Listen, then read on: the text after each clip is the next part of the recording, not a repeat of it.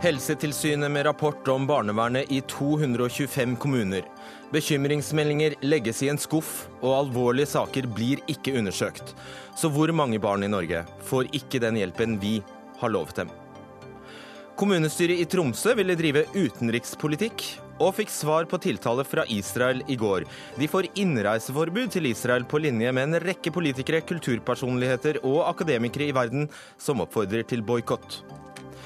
Norge eksporterer våpenmateriell til Saudi-Arabia. Saudi-Arabia bomber i Jemen, en av de mest brutale krigene i verden i dag. Og det vil verken Utenriksdepartementet, Høyre eller Arbeiderpartiet komme hit og snakke om. Og hvorfor har regjeringen behov for å skrive sin egen versjon av Riksrevisjonens rapport om manglende sikring mot terror?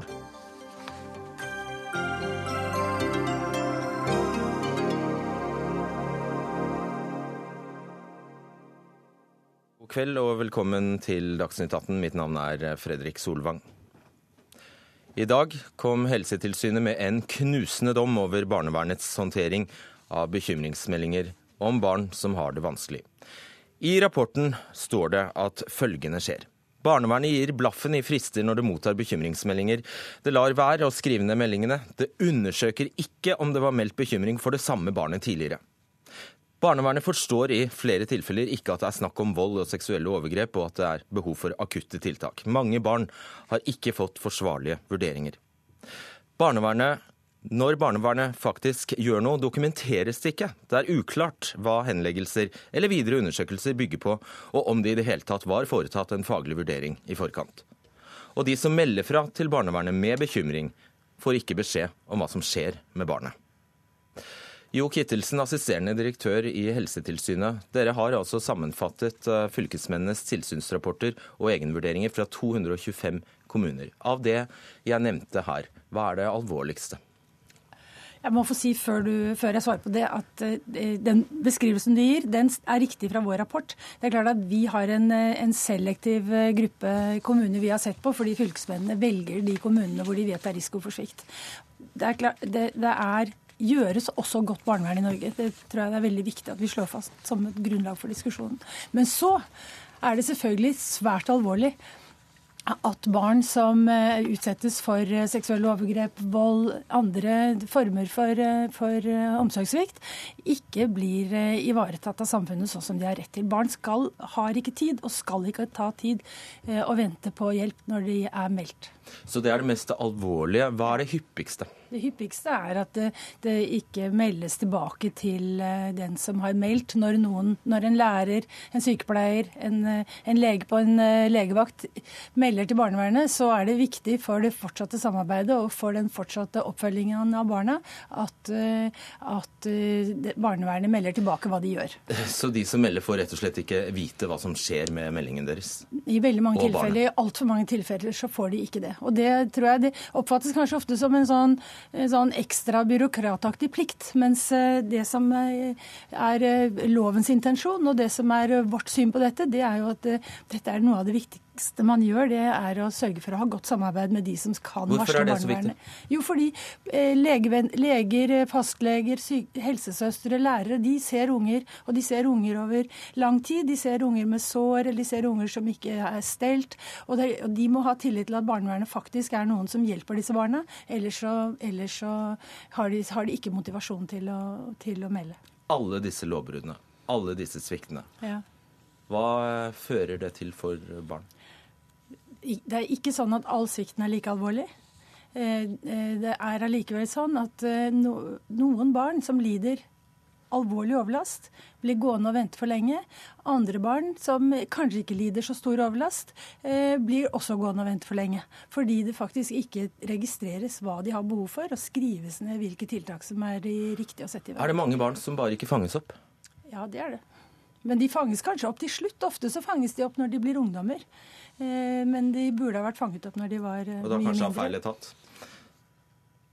Ja, det kan være. Mm. Hvorfor skjer dette? Det vi tror altså Det er jo sikkert det er sammensatte grunner til dette og ikke en enkel forklaring. Men, eh, men, det som vi ser og som vi eh, blir veldig opptatt av, det er at de som er ledere i kommunen, barnevernledere, rådmenn, eh, kommune, kommunaldirektører, de som er på nivåene over, at de må, de må interessere seg for, de må etterspørre, de må lese, de må sjekke ut at, at de ansatte de har, har den kompetansen de skal ha, vet hva de skal gjøre, tør å snakke med barn, tør å gå på hjemmebesøk tør å, å, å, sette seg selv i den ubehagelige situasjonen det ofte er å måtte si til foreldre at her må dere gjøre ting annerledes.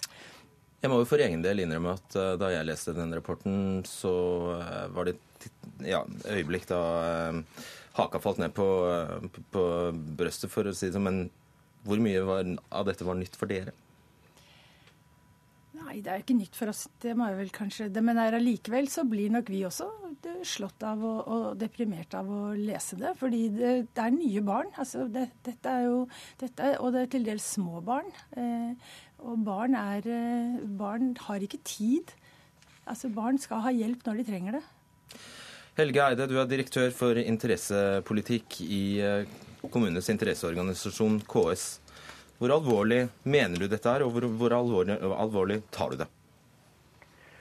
Eh, det er klart Vi snakker om lovbrudd her. At eh, de dokumentasjonskravene eh, som står i barnevernsloven, de er ikke ivaretatt fra mange kommuners side. Det er selvsagt alvorlig, fordi det skal, skal følges. Så må jo det også sies at, at dette betyr ikke nødvendigvis at barn ikke får tiltak når de trenger det. Eh, for det vet vi at eh, selv om det er et betydelig press på barnevernstjenesten rundt omkring eh, i Norge, så utøves det over hele landet et veldig godt arbeid. Hvorfor velger du å snakke om det nå, egentlig, når, når temaet selvfølgelig er de barna som ikke får hjelp? Fordi at vi vet jo at det er riktig å fortelle sannheten og hele sannheten. Det er alvorlig når man ikke kan garantere at barn som trenger det, Eh, ikke får hjelp. Eh, og, Selvsagt så skal kommunene eh, i det tilfellet hvor tilsynet påpeker det, rette opp i, de manglende. Og Vi vet jo at det gjøres heldigvis i det dominerende tilfellet av, av sakene her. Samtidig er det også viktig å påpeke at selv om det er sant og leit og trist, og kommunene har et ansvar for å rette opp i det, så må man også fortelle sannheten om det gode eh, arbeidet i barnevernet over hele landet. Slik at man ikke får inntrykk av at, at det er et barnevern i krise. For det vil ikke være et riktig bilde av, av hvordan det heldigvis er i kommunene. Jeg skal gi deg et eksempel, eksempel fra Skien, der fylkesmannen altså mener at 16 av 25 henlagte bekymringsmeldinger skulle vært undersøkt. Og du snakker om at dette handler om manglende dokumentasjon. Det er jo mye mer alvorlig enn det. Det er alvorlig når eh, meldinger eh, ikke blir eh, undersøkt, og man da ikke vet om de barna det, de gjelder, har, har, har, fått de tiltakene som de trenger, de hjelpene de trenger. I det konkrete tilfellet med Skien kommune så er det selvsagt plikt for Skien kommune å gå inn i det og se på rutinene og sørge for at det gjøres bedre. Det har jeg full tillit til at Skien kommune har gjort i, i, dette tilfellet så er det også viktig å snakke om hva er det som da skal eh, til for at barnevernet kan løftes ytterligere i norske kommuner. At kvaliteten på det kan gå, bli ytterligere, og at barna får hjelp. Alle barn som trenger hjelp, får hjelp når de trenger det. Vi har påpekt at det viktigste som kommunene kan gjøre innenfor de rammene som de har i dag, det er å sørge for at barnevernet kommer høyere på dagsordenen i den administrative ledelsen, i den politiske eh, ledelsen. At, at de kommer enda nærmere ja, til de som styrer. Og det er sikkert eh, sant, Helge Eide. Men uansett hvor, mye, hvor god, godt du klarer å organisere tjenesten, så er det noe som skurrer når et eksempel fra Ringerike viser at 6 av 20 gjennomgåtte bekymringsmeldinger bare henlegges uten barnefaglige, barnevernfaglige vurderinger. Det, altså, det, det, dokumenteres ikke at det er vurdert faglig. Og Da tror jeg vi skal være ærlige om hva som er årsaken til det i, i de kommunene det gjelder. Barnevernstjenesten det er en, en tjeneste i kommunen som det er et betydelig press på hvor vi ser at behovet for eh, innsats fra barnevernet har økt betydelig fra år til år. Og hvor man rett og slett innenfor de rammene som er i kommunene, sliter med eh, å, å, holde følge. Det er ingen unnskyldning for at Da er det vel din plikt å rope varsko, da? Eh, ja, jeg tror, jeg tror, vi skal snakke ærlig og åpent om utfordringene for, for barnevernet i kommunene. Eh, og, og, og, påpeke at det innenfor de rammene man har, så er det et behov for å sørge for at barnevernet har de arbeidsforholdene som de, de trenger. Så er det selvsagt også et ansvar å snakke med Eh, med statlige myndigheter om eh, ressursene er tilstrekkelige for eh, kommunene, og om kompetansesatsingen er tilstrekkelig. Snakk, vær, vær, vær snill å være litt Snakk så tydelig at vi, at vi, forstår. Sier du nå at med flere penger så ville ikke, disse, ville ikke denne rapporten sett slik ut? Det er veldig lett å bare skylde på mange ja, det det. penger. Det, og det, Derfor ønsker jeg ikke å gjøre det. Eh, det er selvsagt et ansvar å sørge for at, eh, at, innenfor de rammene man har, så har eh, barnevernet de, de arbeidsforholdene som, som, de trenger. Men det er et ansvar samtidig, og når vi ser at behovene for barnevernstiltak øker fra år til år i norske kommuner, også sørge for at de rammene som da totalt sett gir til kommunene, står, til, står i forhold til, til utfordringsbildet. Det Jeg gjentar spørsmålet, Helge Eide. Ja. Med flere penger ville vi hatt et bedre barnevern? Med flere penger brukt på en klok måte, så vil barnevernet blitt enda bedre enn i dag. Og Det viktigste vi kan gjøre sammen med, med staten i, i, den sammenheng, er å bruke penger til å styrke kompetansen i barnevernet ytterligere. Både juridisk, men også i møte med, med de enkelte barna. Jeg er veldig glad for at den virkelighetsoppfatningen deler eh, Kommune-Norge og staten at eh, når ekstra penger skal settes inn nå, så er det der vi må, eh, okay, siste, vi må gjøre det. Siste spørsmål til deg, Helge Eide. fordi jeg tolker det slik at du egentlig sier at denne rapporten ville ha sett finere ut med flere penger. Bare et annet eksempel fra en ikke navngitt kommune, siden du bringer på banen at dette handler om kompetanse. Og da er mitt spørsmål hva handler det om kompetanse når en kommune i Norge altså henlegger 39 av 67 meldinger som skulle ha ledet til undersøkelse, inkludert saker der, meldt, der det var meldt bekymring for barnet flere ganger. Hva, det om, hva har det med kompetanse å gjøre? Eh, det handler nok med stor sannsynlighet eh, om at det er en barnevernstjeneste med betydelig eh, press, med utfordring til å få dekket behovene med, den, med, arbeidskraft som faktisk eh, er tilgjengelig, og med kompetansen som er, er tilgjengelig.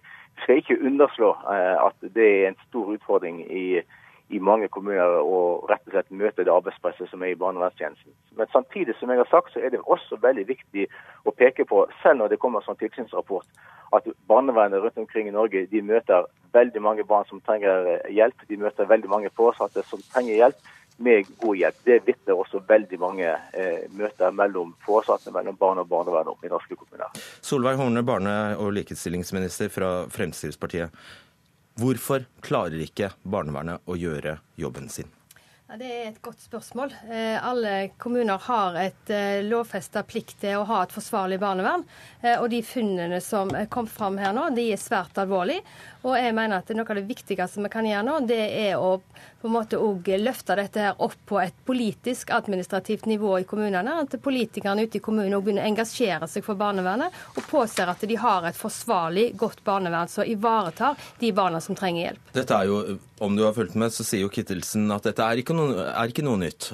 Du må også ha visst dette her. Ja, det, jeg, jeg er veldig glad for at vi har fått dette tilsynet, at vi har Statens helsetilsyn som fører tilsyn med kommunene. Det er på den måten vi kan avdekke at kommunene ikke følger opp og, og gir hjelp. og Ingen kommuner får lov til å fortsette før de har eh, lukka disse avvikene. Eh, men så er det jo viktig at eh, det som Helsetilsynet viser til, er jo at det er mangel på ledelse. Det er mangel på engasjement fra øverste ledelse i kommunen på å påse at de har et forsvarlig barnevern. Nå har kommuneøkonomien blitt eh, styrka. Den er beste på ti år. Det er viktig at òg barnevernet får sin del av dette. Vi har fått på plass Så dette vil altså ikke skje igjen? Det er Svikt i barnevernet vil, vil det nok sikkert komme, men vi må gjøre alt det vi kan for oss å unngå det. Men i denne skalaen, da? I, nei, Jeg håper at med det kompetanseløftet som vi nå setter i gang, eh, både for oss å styrke barnevernsledelsen Vi har fått på plass en ny barnevernsleder nå i, fra i fjor, i fjor høst, den fjor vår. Samtidig som vi nå i løpet av eh, året får på plass noen egen veiledningsteam som skal ut til kommunene for å gi de som er mest sårbare. Vi har òg nå sett på utdanningene, for det, det viser seg at utdanningene, de som utdanner de som skal jobbe i barnevernet, ikke er gode nok. Eh, samtidig som vi nå jobber med en barnevernsreform som skal gi kommunene et større ansvar ansvar for både tidlig innsats og forebygging og samarbeid med andre tjenester. Hvor lang tid skal vi gi da? Nei, så Her har vi ingen tid å miste. Nei, men at, Du sitter jo nå og sier at dette vil bli mye bedre, så da spør jeg jo, hva syns du det er rimelig det er at, vi, at, vi, gir deg tid? Nei, her gir vi det ikke tid. Nå, får, må kommunene følge opp dette sviktet. Men kommunens politiske og administrative ledelse må allerede nå begynne å engasjere seg i barnevernet. De kan gjøre det i morgen. De kan etterspørre barnevernstjenesten på hvordan drives vår barnevernstjeneste. Har vi svikt? Hvordan jobber vi forebyggende? Hvordan samarbeider vi med andre tjenester? Og dette må høyt på den politiske eh, agendaen ute i kommunen, for kommunene har et ansvar til å ha et forsvarlig barnevern. De har det, og nettopp derfor, og det er faktisk lovfestet, så derfor blir det faktisk brudd av det. Ja, og Derfor er det viktig at kommunene faktisk følger opp når det er lovbrudd. For det er et lovverk som Stortinget har vedtatt, at kommunene har en plikt til å følge opp. Mm. Annika, du er barnevernsproff i uh, Forandringsfabrikken. Når du hører disse tallene uh, og disse beskrivelsene av hva som foregår i barnevernet, kjenner du deg igjen? Uh, jeg vil bare si at, liksom, at jeg er bare én proff, men vi er veldig veldig mange proffer. Og det Forandringsfabrikken gjør, er å hente inn kunnskap fra barn og unge. Hva er det for noe? En proff, en barnevernsproff? Hva er det for noe? Det er bare én som er i systemet nå, eh, rett og slett. Eh, det er ikke noe mer enn det. Og vi er veldig mange. Forandringsfabrikken har vel møtt rundt 1000 barn og unge som har vært i barnevernet, og vi jobber også med andre felt. Men bare for å si det, er at når vi hører fra våre proffer, da, og jeg er også proff, så vet vi at barn og unge som er i barnevernet, vet egentlig ganske lite om bekymringsmelding. De er ofte ikke involvert selv, og det står ofte beskrivelser av dem. Og det er mange som ikke vet hvor mange bekymringsmeldinger som er sendt, om det har vært sendt noen, uh, hvorfor det er blitt henlagt, om det er blitt henlagt noen i det hele tatt. For det får man ikke vite med mindre man leser journalen sin, og det gjør ikke unge barn, da. Hvorfor er det dumt at barna selv ikke får vite?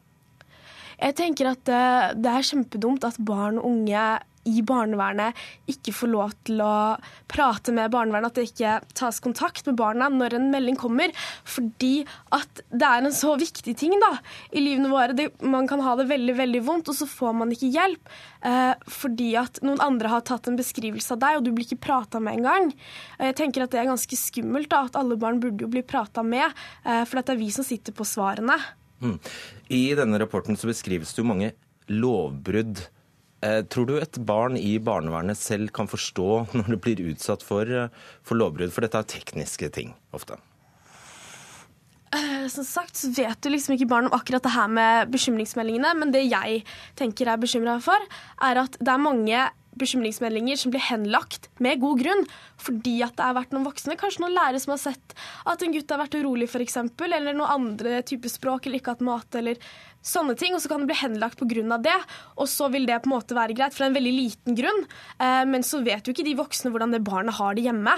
Hva som faktisk skjer. Og det tenker jeg er skummelt. Og derfor er min, eh, mitt det jeg håper på, er at rammene og loven blir sånn at barnevernet kan jobbe mye tettere på barn. da, Og at det ikke skal være en sånn gre egen greie med melding, sånn at barnet bare kan bli kobla på helt i begynnelsen. Statsråd Horne, hvorfor kontakter ikke barnevernet barna?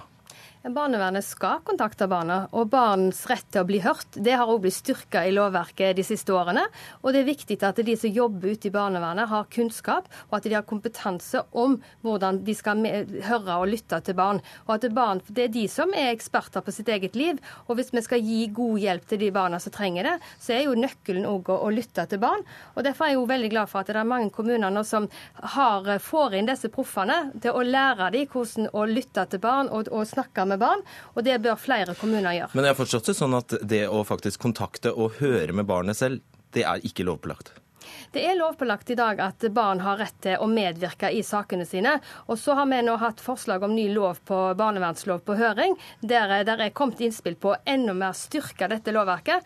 Eh, og det holder vi på å jobbe med. Men jeg tror det er likevel viktig at barnevernet der ute Det er så tydelig i loven i dag òg at barn har rett til å medvirke. De skal ha en egen tillitsperson med seg innenfor barnevernet. Men skal du hjelpe de barna som trenger det, ja, så må du altså lytte til barn.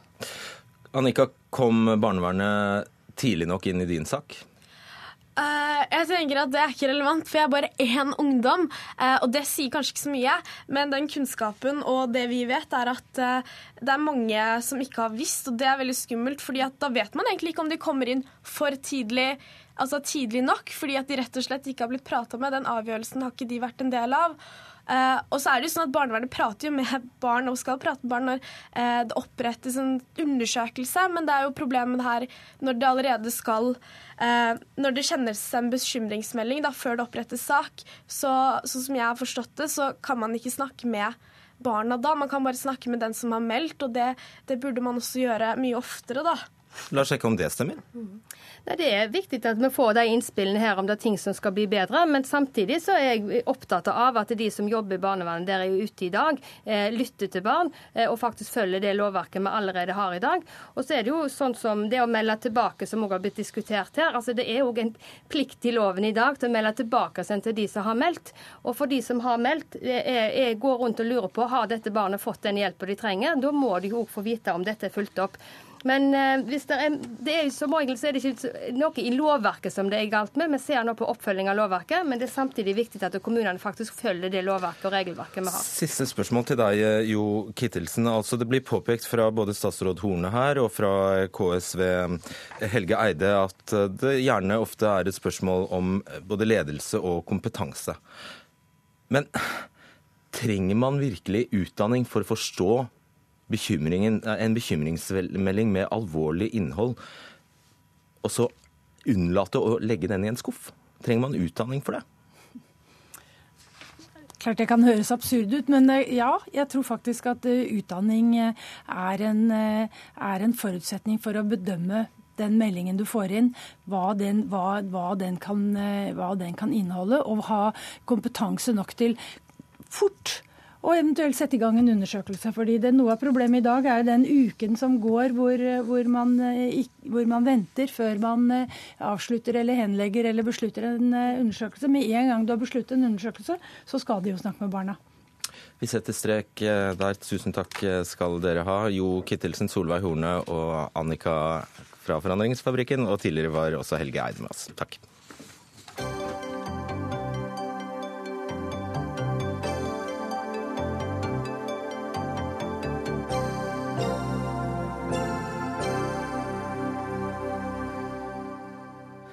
En mengde norske politikere, kulturpersonligheter og akademikere får innreiseforbud til Israel. I går vedtok Knesset en lov som forbyr innreisetillatelse eller oppholdsrettigheter til alle utenlandske borgere som oppmuntrer til økonomisk, kulturell eller akademisk boikott av Israel, israelske institusjoner eller områder under israelsk kontroll, hvilket vil si bosetningene. Kristin Solberg, NRKs Midtøsten-korrespondent. Dette lovforslaget ble vedtatt av Benjamin Netanyahus eh, høyrekoalisjon med 48 mot 26 stemmer. Og så skal den israelske innenriksministeren kunne innvilge unntak. Men dette er altså en svært omfattende lov? Ja, På mange måter så kan det se slik ut der loven eh, opp, eh, forbyr eh, utstedelse av visum eller oppholdstillatelse til dem som oppfordrer til økonomisk, kulturell eller akademisk boikott. Og ifølge uttalelsen fra Knesset etter dette lovforslaget, så gjelder det både enkeltindivider eller hvis organisasjonen eller organet som han eller hun tilhører, med viten har, har oppfordret til å, til å boikotte boikotte Israel, eller, eller, selv lovet å delta i en slik boikott, som, som, det heter fra Knesset. Så Den skiller altså ikke mellom individer og organisasjonene den, den tilheller, til, eh, tilhører.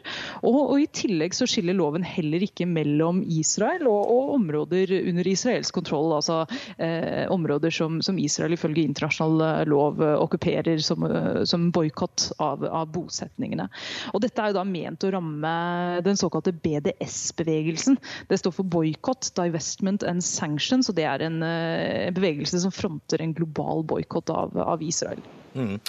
Ikke bare omfattende, men også svært uh, omstridt, også internt i Israel, dette lovforslaget. Nettopp fordi det ikke skiller mellom Israel og de okkuperte områdene. Ja, det er det. Eh, men først så må det jo sies at BDS-bevegelsen er jo også omstridt i, i, Israel. slik at lovforslaget har jo eh, en del politisk støtte, noe vi så da i flertallet av, av stemmene i Knesset i går. Eh, Israel har opplevd en voksende boikottbevegelse pga. okkupasjonen av Vestbredden, og myndighetene har trappet opp kampen både diplomatisk og juridisk mot denne BDS-bevegelsen. Og det har de en del støtte kommet innad i Israel, spesielt i et Israel som føler seg stadig mer kritisert internasjonalt. Men når det er sagt, så har, kommet, har denne loven møtt mye motstand. Det har vi sett i dag, og spesielt fra venstresiden og, og fredsbevegelsen. Medlem av Knesset Tamar Sandberg fra partiet Meretz sier at dette er en lov mot ytringsfrihet, og, og, og det, det betyr i praksis politisk sensur. og Han er da spesielt kritisk som du sier, til at man ikke skiller mellom Israel og, og bosetningene. Og så har det også kommet mye kritikk fra, fra menneskerettighetsorganisasjoner som kaller loven for udemokratisk og, og brudd på, på ytringsfriheten. Vi snakker om et atskillig antall mennesker som nå altså får innreiseforbud. og Da er det et stort spørsmål hvordan dette skal praktiseres. Er det sagt noe om det? Det er sagt lite om det, og spørsmålet er jo hvor langt skal, skal, man ta dette forbudet? Eh, det åpner jo opp for at Innenriksdepartementet skal kunne gi unntak, men spørsmålet er hvor, hvor lett det kommer til å bli eh, i praksis. Og Ordlyden i, i loven er jo ganske, ganske, vag. Så betyr det f.eks. at eh, når de sier medlemskap i organisasjoner som, som oppfordrer til boikott, betyr det at en student eller en arbeidstaker som er medlem av en studentforening eller fagforening som støtter støtte boikott, vil bli forhindret fra å feriere i, i f.eks. Tel Aviv? Det vet man ikke. Eh, og Siden det ikke skiller mellom bosetninger og Israel, så er det også uklart hvordan det vil ramme internasjonale organisasjoner som mener at bosetninger er ulovlig under internasjonal lov. Og for menneskerettighetsorganisasjoner eh, som jobber på Vestbredden og i Gaza, så er det bekymring hvordan dette kommer til å ramme deres, eh, deres medarbeidere og deres arbeid der. Takk, Kristin Solberg. I desember vedtok kommunestyret i Tromsø boikott av citat, 'israelske varer og tjenester' som er produsert i okkuperte palestinske områder. Citat, slutt. Også Trondheim har vedtatt en lignende boikott. Så det betyr jo kanskje at hele Tromsø kommunestyre kan glemme ferieturen til Tel Aviv og Jerusalem eller i det hele tatt få besøkt vennskapsbyen Gaza. Kristin Røymo, du er ordfører i Tromsø for Arbeiderpartiet. Hadde du tenkt deg til Israel? Ja, så Det vil jo være naturlig når eh, Gaza er vår vennskapsby, at vi i løpet av eh, denne perioden også besøker Gaza fra Tromsø med en offisiell delegasjon. og Det håper jeg jo at vi får muligheten til å gjøre. for det å ha kontakt mennesker imellom på tvers av landegrenser, og også by til by, er viktig i en verden som ikke nødvendigvis er like enkel. Vi ser at menneskerettigheter og ytringsfrihet er under press. Og det vedtaket som eh, ble eh, fatta i Knesset i går, er jo et sånt vedtak der man er redd for, og det sies jo, som dere refererer fra venstresida i, eh, i Israel, dette er en lov mot ytringsfrihet. Så det er klart det er utfordrende. Mm. Ved den side sitter Erlend Svardal Bø, gruppeleder i Tromsø Høyre, som altså stemte nei til at Tromsø skulle boikotte Israel. Hva syns du om at du, du også rammes av dette israelske innreiseforbudet? Nei, da tenker jeg at hvis jeg ikke får reise til Israel på ferie, så får jeg heller ta en tur til Gran Canaria istedenfor. Eh, men det er jo litt sånn at mye av den politikken som Israel fører, vil jeg bare si at den er ikke bra. Det gjelder f.eks. bosetningspolitikken på Vestbredden, og det gjelder uproporsjonal militærmakt i sine operasjoner i Gaza. Men jeg mener jo helt klart at en boikott ikke er svaret, sånn som Arbeiderpartiet, SV og Rødt i Tromsø. Med en boikott så blir en bestemt part favorisert, og det skal, være, det skal være veldig forsiktig med en sånn betent eh, konflikt. Eh, og Vi må altså huske på eh, at Norges nøkkelrolle i Midtøsten har vi hatt fordi vi kan snakke med begge parter i en konflikt. Eh, og Den risik rollen risikerer vi nå å miste med å opptrå sånn som Arbeiderpartiet har gjort i flere kommuner med sånne boikottsforslag som ble vedtatt i Tromsø i desember. Og jeg mener jo helt klart at Boikott er ikke å skape fred og dialog, det er å skape avstand. Og det vil ikke jeg som politikere være med på. Eh, og, og, ja, og, bare sier også at, at Israel og Knesset nå kommer med en motreaksjon på alle disse boikottforslagene, det er forståelig eh, og dessverre nesten venta. Men om den motreaksjonen som en her kommer med er, eh, det er jeg litt usikker på om den er, den er riktig. Røymo, det er en motreaksjon mot bl.a. Slike, slike initiativ som dere mm. har tatt. Og da har jo du paradoksalt nok sørget for egentlig å avskjære deg muligheten for å utføre den dialogen som du snakker om, og kanskje eskalere konflikten? Ja, det kan du si. Altså, det er jo faktisk sånn at en av, de, altså en av de forholdene som vi kanskje frykter nå, er jo at vi er på tur inn i en isolasjon av Israel. Og vi vet jo fra konfliktområder at isolasjon av en part veldig ofte ikke er til, til, det gode. Samtidig så er det sånn at det vi har gjort, er jo ikke å gå inn for en boikott av israelske varer som sådan, eller en boikott av Israel. Vi ønsker å avstå fra kjøp av varer som er produsert på okkupert land, på, den, på det landet som illegitimt nå okkuperes av, av Israel. Og dette er jo ikke ytterligere ytterliggående synspunkter på, eh, på, de forholdene vi har nå. Det er mainstream holdning. Vi har en okkupasjon som er fordømt av en hel verden. Og det ja, men, å, å, å men, faktisk altså, mene noe med det i praksis og si at det er Vi har en illegitim okkupasjon, og vi har illegitim produksjon av varer. Vi ønsker ikke å bidra til inntjening på de varene som produseres på, på okkupert land. Bø. Der vil jeg bare si noe, for det, det her er det som er litt av problemet. Jeg sitter ikke i kommunestyret i Tromsø for å drive utenrikspolitikk, men for å fremme Høyres lokalpolitikk og bidra til at innbyggerne i vår kommune får et godt tjenestetilbud. Eh, og vi har en regjering til å drive Norges utenrikspolitikk. Eh, og det her er litt sånn typisk sånn eksempel på at en driver sånn skrivebordspolitikk uten å tenke på den praktiske gjennomføringa av Nei, det som er vedtatt i, i kommunestyret. Mener du virkelig ikke at ethvert individ her på Tellus skal kunne mene noe om folkeretten, eller en ulovlig jo, okkupasjon for den saks skyld, eller et kommunestyre? Alle skal ha ytringsfrihet, vi skal få lov til å mene akkurat det vi vil, og vi skal ha stor takhøyde for de meningene som er i det landet her.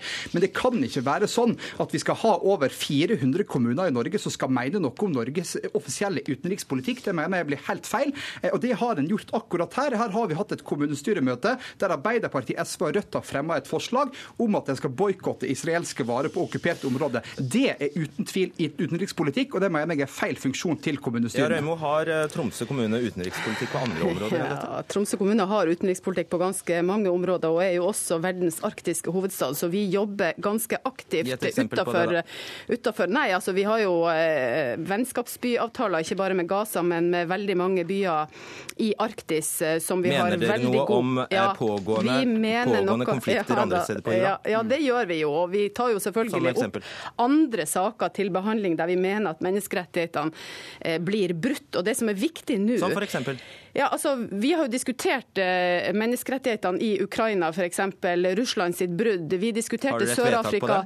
Vi, eh, vi diskuterte Sør-Afrika i sin tid og støtta også den Har dere et vedtak den... på Ukraina i Tromsø kommunestyre? Ja, altså vi, Tromsø diskuterer jo utenrikspolitikk når det er relevant. Det har vært relevant i denne sammenhengen. Og vi har ikke gjort et vedtak i denne perioden. Nå har vi gjort et vedtak om eh, boikott av varer produsert på okkupert land. Det har vi gjort fordi vi som forbrukere har muligheten til å sette makt bak kravene. Og det vi vurderer nå, er jo at litt av grunnen til at Knesset får opp denne debatten, er jo at de frykter eh, nettopp eh, en sånn type boikott av varer produsert på okkupert land. Og litt av grunnen til at Tromsø nå er fornøyd med at vi har gjort det vi har gjort, gjort, er jo Bl.a. At, eh, at en hel verden er enig med oss om at også varer som produseres på okkuperte land, er illegitime.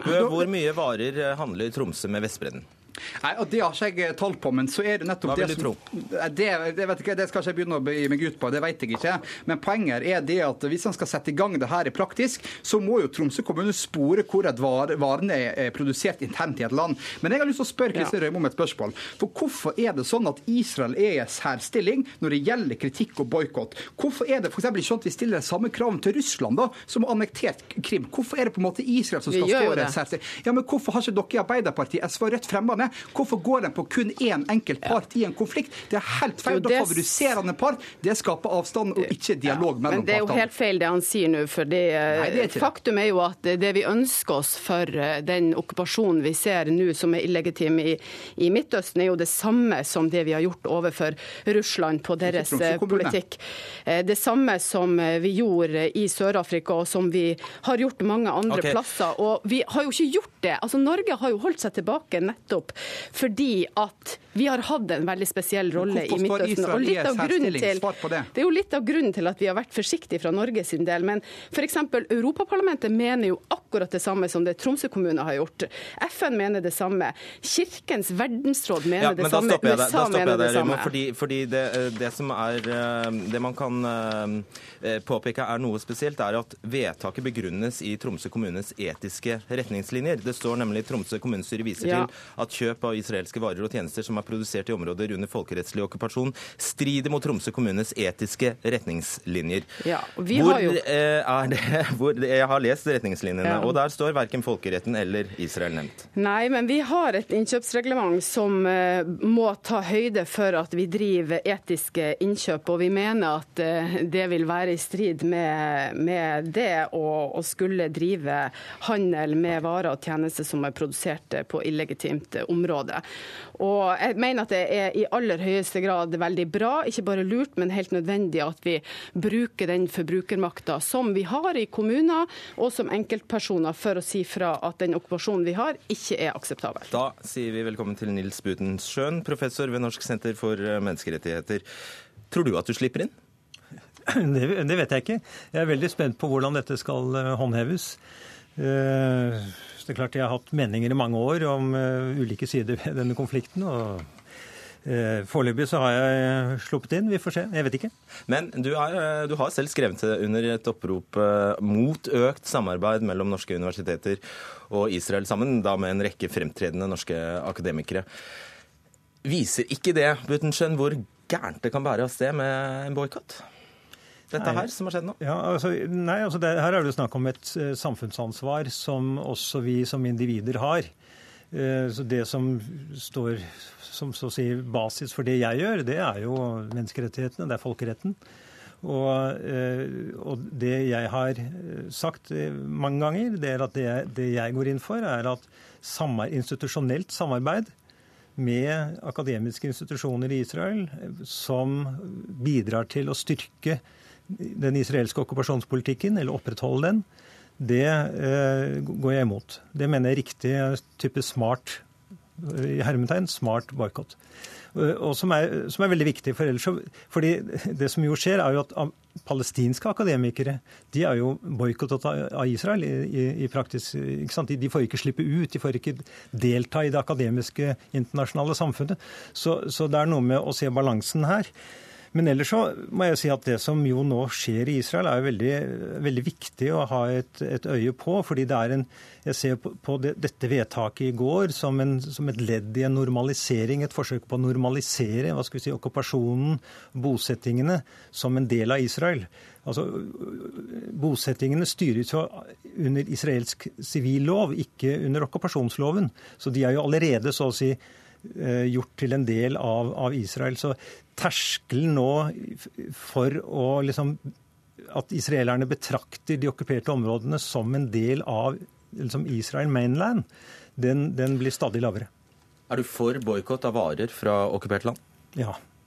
Hvis du er for, eh, for, for boikott av varer fra okkupert eh, land, og du ser at Israel svarer med nøyaktig samme mynt, hva har du, mm. hva har du oppnådd da? Vel, Da har man oppnådd at denne, denne bl.a. Denne, denne debatten vi får her altså Det er veldig viktig at man får dette opp på den internasjonale eh, agenda, akkurat som når det gjaldt boikotten av, av Sør-Afrika under apartheidtiden. Fordi dette er det eneste type instrument man har, i grunnen, og, og hvis man ikke går helt uh, bonanza og, og, og, går inn for militære tiltak, eller altså militær motstand. Uh, palestinerne forsøker jo nå å gå veien via FN primært for å, for å få støtte for en palestinsk stat og en, en, tilbaketrekning fra det 50 år gamle ok okkupasjonen. Og det, det, er den linjen man må støtte, altså folkerettslinjen og den sivile, eh, fredelige motstanden gjennom bl.a. Eh, forbrukerboikott. Det, det, er det man kan gjøre. Vi hørte her eh, tidligere um, Kristin Solberg nevne denne BDS-bevegelsen. Støtter du den? Nei, ikke, altså jeg er ikke med i den bevegelsen. Men altså jeg, jeg, forstår jo veldig godt uh, hva, den, hva, den, går inn for. Men det er jo en veldig uensartet bevegelse. Men den står ganske sterkt rundt omkring forskjellige steder, også i USA. Og det er veldig viktig å være klar over at, at svært mange jødiske grupperinger, ikke minst i USA, jo ønsker dette denne bevegelsen velkommen. Mens eh, en dame som Angela Merkel i eh, CDU har fordømt denne aktiviteten og bevegelsen og sagt den er rett og slett antisemittisk fordi den rammer israelske varer og tjenester utelukkende. Eh, og dermed minner litt for mye, eller altfor mye, om, om det man så under. Ja, men altså, ikke sant? Nå, nå kan man ikke trekke dette antisemittismekortet i enhver sammenheng. Det er ikke noe kort, det er jo, det er, bare et, det et argument. Liksom det trekkes opp et kort, og så viftes, viftes det med det og sies at dette er antisemittisme. Og dermed så har du på en måte blitt henvist til historiens slaghaug. En aksjon som kun rammer varene og tjenestene til en eh, folkegruppe eller et land? Ja, Det rammer altså eh, aktivitet som er folkerettsstridig, ikke sant? og som senest nå FNs sikkerhetsråd vedtok eh, for kort tid siden. Eh, så, så altså, dette er en internasjonal som det ble sagt her, det er jo en, en, en bred internasjonal aksept for at dette er folkerettsstridig. og at Hvilke andre virkemidler har vi? Så det, det, det, det tror jeg er veldig viktig å, å være klar over. Ja. Takk skal dere alle ha. Først til Kristin Solberg, Kristin Røymo og Erlend Svaral Bø i Tromsø, og til deg, Nils Butenschøn.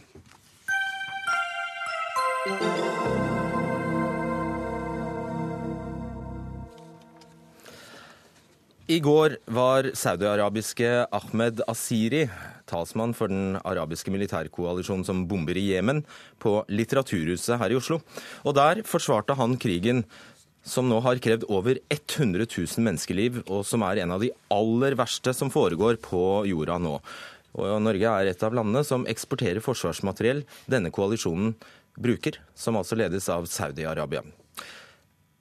Kristian Berg Harpviken, du er direktør ved Institutt for fredsforskning, PRIO. Hva er det Norge eksporterer til Saudi-Arabia?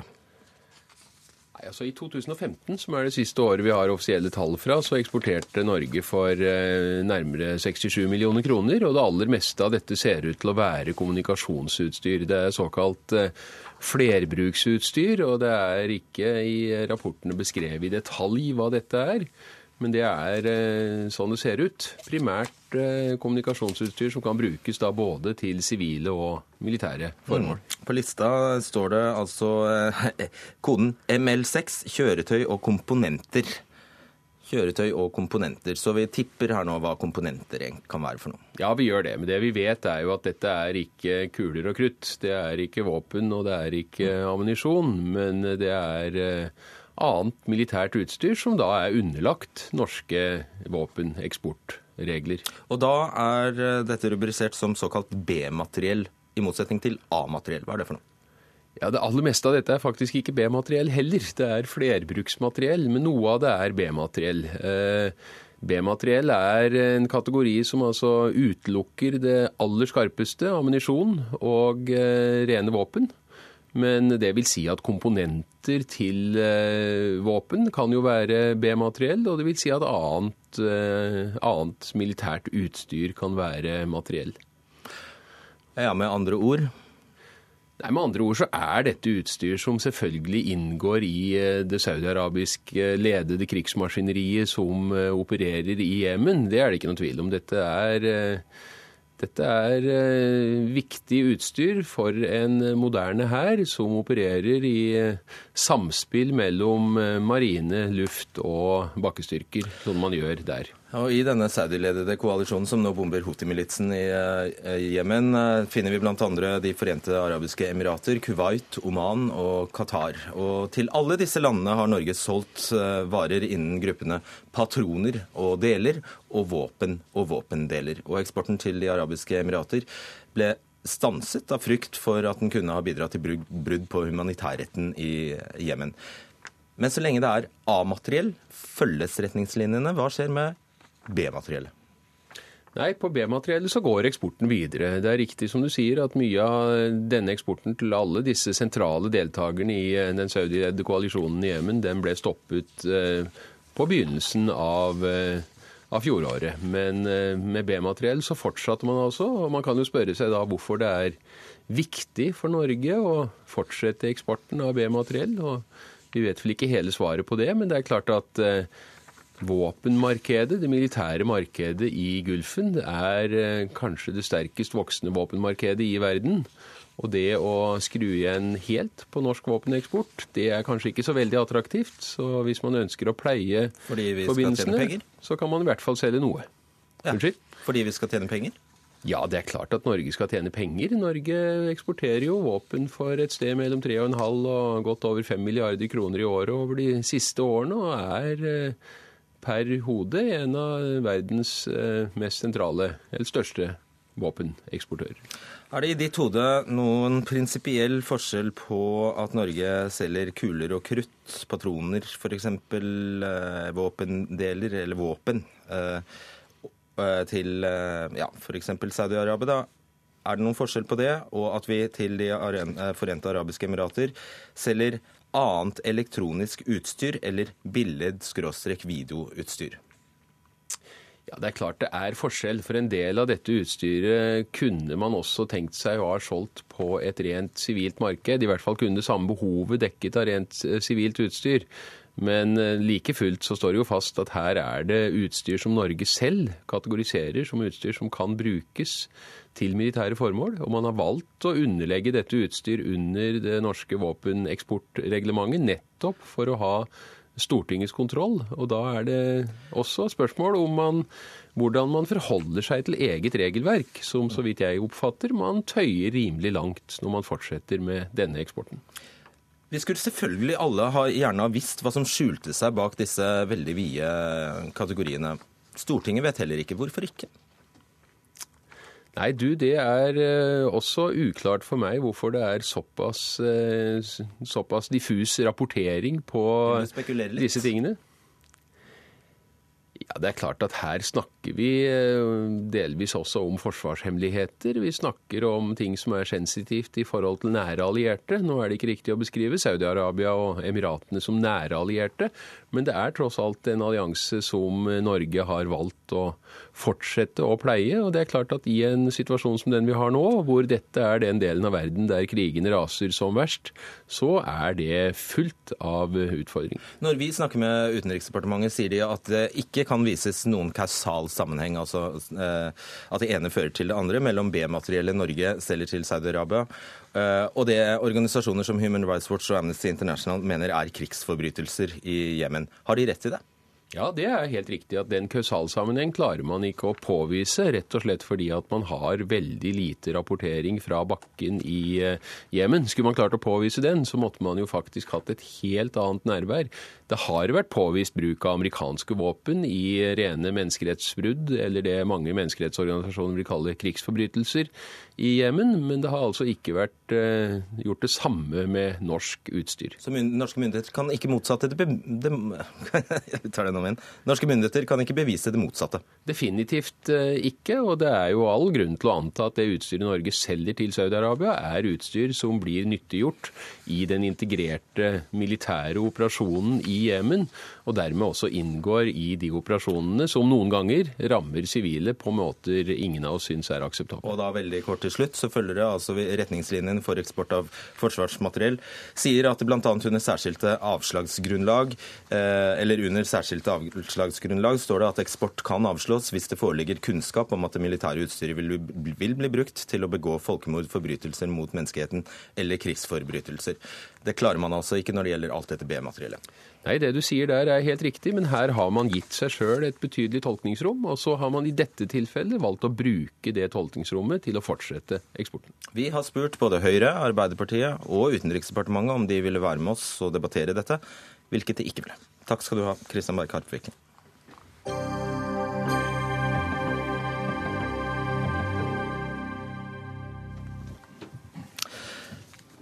Riksrevisjonen sitat, ser svært alvorlig på at regjeringen ikke har sørget for å styrke og bedre samarbeidet mellom politiet og Forsvaret, og det er sannsynlighet for at verken politiet eller Forsvaret sammen eller hver for seg vil være i stand til å utøve tilstrekkelig beskyttelse av viktige objekter når trusselsituasjonen tilsier det. Sitat slutt. Ja, dette kan være bare toppen av isfjellet av det som står i Riksrevisjonens rapport fra oktober i fjor.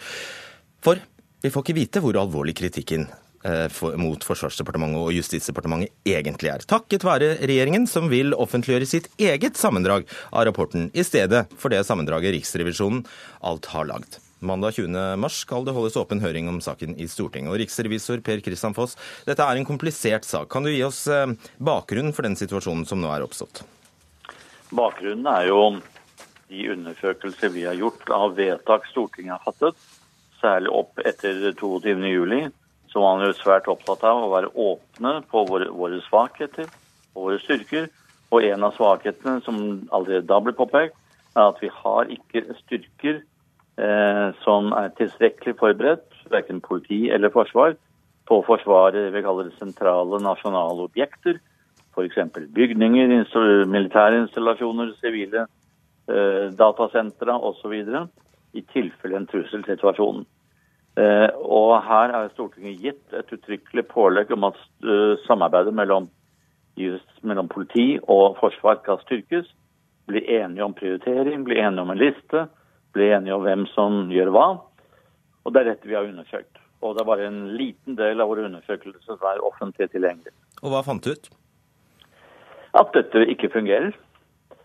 Uh, men mye av rapporten er ikke offentliggjort fordi det er gradert av Forsvaret. Og i siste instans så er det jo selvfølgelig Forsvaret som har rett til å holde tilbake det som er en trussel for kan være en fare for rikets sikkerhet. Men jeg kan ikke med mitt beste skjønn forstå at den rapport vi har, den sammendraget vi har laget eh, av rapporten, inneholder noen ting som kan være til skade for rikets sikkerhet. Og da har Forsvarsdepartementet gått hen og skrevet sitt eget sammendrag, er det slik? Ja. Hva syns du om deres eh, versjon? Det er første gang jeg opplever i de ti-elleve årene jeg har fulgt uh, Riksrevisjonens arbeid, enten fra Stortinget eller nå fra Riksrevisjonen. Uh, det er første gang det har skjedd. Og det som er særlig alvorlig, er at i denne rapporten mener vi at Forsvaret gjør et forsøk på å dempe kritikken mot departementene og gi en annen fremstilling. Og det er klart Sikkerhetsloven er jo ikke laget for at man skal sikre seg mot kritikk. Ble du sensurert? Det kan du godt kalle det, ja. Hvor alvorlig er det? Vi har nå opprettholdt vår rapport, og den ligger i Stortinget, som kan benytte det. Men, men altså, Forsvaret og regjeringen motsetter seg at den rapporten kan behandles i en åpen høring. Vi har altså forsøkt å få med Forsvarsdepartementet i en debatt eh, i forrige uke og denne uken, men de sier det har de ikke mulighet til. Jette Christensen, stortingsrepresentant for Arbeiderpartiet. Nå er det altså slik jeg nevnte at eh, din komité, kontroll- og konstitusjonskomiteen, har besluttet å holde åpen høring om denne saken 20.3. Hvorfor det? Fordi at vi har en situasjon i Norge at Forsvaret eller politiet, verken sammen eller hver for seg, kan trygge objekter i Norge i en trusselsituasjon. Sikkerhetsinstruksen er ikke fulgt opp. Gjørv-rapporten er ikke fulgt opp. Forsvarsdepartementet og Justisdepartementet har mottatt massiv kritikk av Riksrevisjonen. De har ikke klart å bevilge penger til å gjøre den viktigste jobben en regjering skal gjøre, nemlig å sikre oss mot trusler. Det er veldig alvorlig. Hvordan vet du alt dette? Har du lest hele den ugraderte mm, rapporten fra Riksrevisjonen? Grunnen til at jeg kan si dette på radio, er fordi at dette her er jo det som er en del av den åpne rapporten. Jeg har lest eh, rapporter som, eh, som, ikke kan komme ut også. Men det jeg sier nå, det er det som er åpent. Og er det noe som en eh, det, Og da er jo er egentlig skaden skjedd. Da er det allerede offentlig informasjon til hvem det er som vil, som kan lese, at i Norge så er det sånn at Forsvaret og politiet, verken sammen eller hver for seg, pga. dårlige prioriteringer, ikke kan trygge objekter. Det er noe vi må diskutere. Det er noe vi må få belyst. Det er noe Stortinget er nødt for å ta stilling til. Hvis du hadde sittet i regjering, Jette Christensen, ville du da funnet noe her du ville sensurert? Nei. Vet du hva? Noe av det aller viktigste vi gjør som politikere, er å sikre landet vårt. Og det er et samarbeid mellom alle partiene, mellom storting og regjering. Og Det er derfor jeg reagerer veldig sterkt på at Forsvaret eh, og Forsvarsdepartementet ikke ønsker å utgi informasjon som du hørte Riksrevisjonen, Riksrevisoren her sa, ikke er nødvendig å holde tilbake. Det er utrolig alvorlig, fordi at dette her er et samarbeid. Og det er første gang jeg opplever at en regjering ikke samarbeider med Stortinget om å trygge landet vårt. Michael Tetzschner, stortingsrepresentant for Høyre og første nestleder i den samme komiteen. Har du opplevd det før? Nei, men eh, Premissene her er jo delvis gale. fordi eh, Jette eh, er jo nå inne og konkluderer. fordi Vi skal jo ha denne høringen. Vi skal jo fremme en innstilling for Stortinget. Hvilket premiss er galt? Ja, at det sensureres fordi Det var jo Foss som sa det. Eh, jeg forholder meg ikke akkurat til eh, den presentasjonen, fordi vi er nødt til å ta utgangspunkt i de dokumentene som er forelagt eh, Stortinget. Sier du at riksrevisoren ikke snakker sant? Nei, men hvis jeg nå kan ja. snakke ut, så er det Og der tror jeg også er helt enig med, med Jette i det som er det underliggende her, nemlig at Stortinget skal ha muligheten til å utøve en kontroll med at regjeringen gjør det den er lovet for å trygge landet. Mm. Også på bakgrunn av de, funn som, uh, som, var dramatiske i forbindelse med 22.07. Og det utstyret har vi for å gjøre det, nemlig at Stortingets kontrollkomité har tilgang på den graderte rapporten. Så det vil si at hvis vi også ønsker å ha en høring, så kan vi ha en lukket høring, og så kan vi fra denne høringen Eh, eh, finne formuleringer som er mer generelle, og så kan vi fremme akkurat den kritikken vi vil overfor for Stortinget. Og, eh, og det er én ting som er ganske viktig her. Fordi det ser ut som Arbeiderpartiet vil gjøre det til politisk spørsmål hva som skal nedgraderes. Men sikkerhetsloven er slik at det er verken Stortinget som gjør, eller Riksrevisjonen, men det er de som er utsteder av informasjonen, altså de som eier informasjonen. Og det er etter sikkerhetsloven, som er vedtatt av Stortinget, Forsvarsdepartementet og, og Justisdepartementet. Og derfor er det de som må nedgradere. Det er det spørsmålet eh, dreier seg om. Ja, det er de som eh, må nedgradere. Men de gjør det ikke. Og som eh, riksrevisor sa, så er det jo ikke sikkerhetsloven eh, det finnes jo ikke for å verne seg mot kritikk. Og jeg tar på alvor, jeg lytter til det riksrevisoren sier. Og jeg har også sett både det som er gradert og det som er avgradert. Og jeg er enig med riksrevisor. Jeg ser ikke noen grunn til å ikke avgradere dette. Men grunnen til at jeg er opptatt av at vi skal ha en åpen høring eh, om dette, grunn, eh, og ikke bare en lukka høring, er fordi at det er ikke bare vi som politikere som er nødt for å stille spørsmål om dette. Er det noe tid i kontrollkomiteen har lært meg, er at det at pressen er til stede og hører og lytter og stiller kritiske spørsmål som politikere kanskje ikke stiller hverandre, det er en veldig viktig del av eh, demokratiet vårt. Og så fremt jeg, ikke, jeg og riksrevisoren ikke kan se noen ting som eh, truer rikets sikkerhet, iallfall ikke mer enn situasjonen, så forstår jeg ikke, annet enn at man er redd for kritikk, eh, at dette her ikke avgraderes. Men det du kan forholde deg til ja, unnskyld, si at, at Grunnen til at verken jeg eller Jette eller riksrevisor skal ta stilling til dette, er at dette dypest sett er sikkerhetsfaglige vurderinger som etter sikkerhetsloven er pålagt og skal utføres av sikkerhetsmyndighetene. Men det stiller seg jo et litt annet lys da, når, når, Foss sier at han ikke kjenner seg igjen i det, den versjonen som Forsvarsdepartementet har til hensikt å offentliggjøre? Da eh, får vi ta det som en eh, utfordring til å både gå gjennom den eh, graderte og den ugraderte rapporten, og så se om vi selv er enig i det ut fra et, et allment fornuftig skjønn.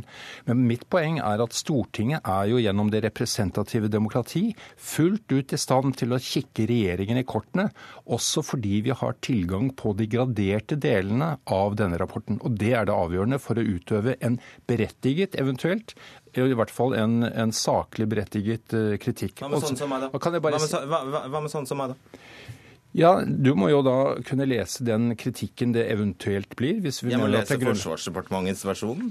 Nei. Eh, det du kan regne med, er at kontrollkomiteen, med alle de representantene fra forskjellige partier som alle har tilgang på det graderte materialet, selv går inn og formulerer den kritikken, hvis det er grunnlag for det.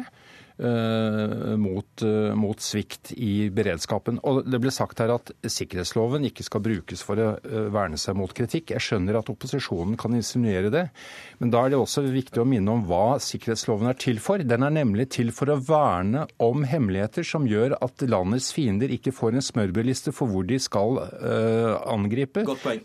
Og din jobb i kontroll- og konstitusjonskomiteen og som Stortingets representant er tross alt å utføre den kontrollen Stortinget skal ha med regjeringen. Og den informasjonen har du, så det er bare å iverksette, egentlig. Ja, men jeg er også opptatt av demokrati, og jeg er opptatt av å gjøre jobben min ordentlig.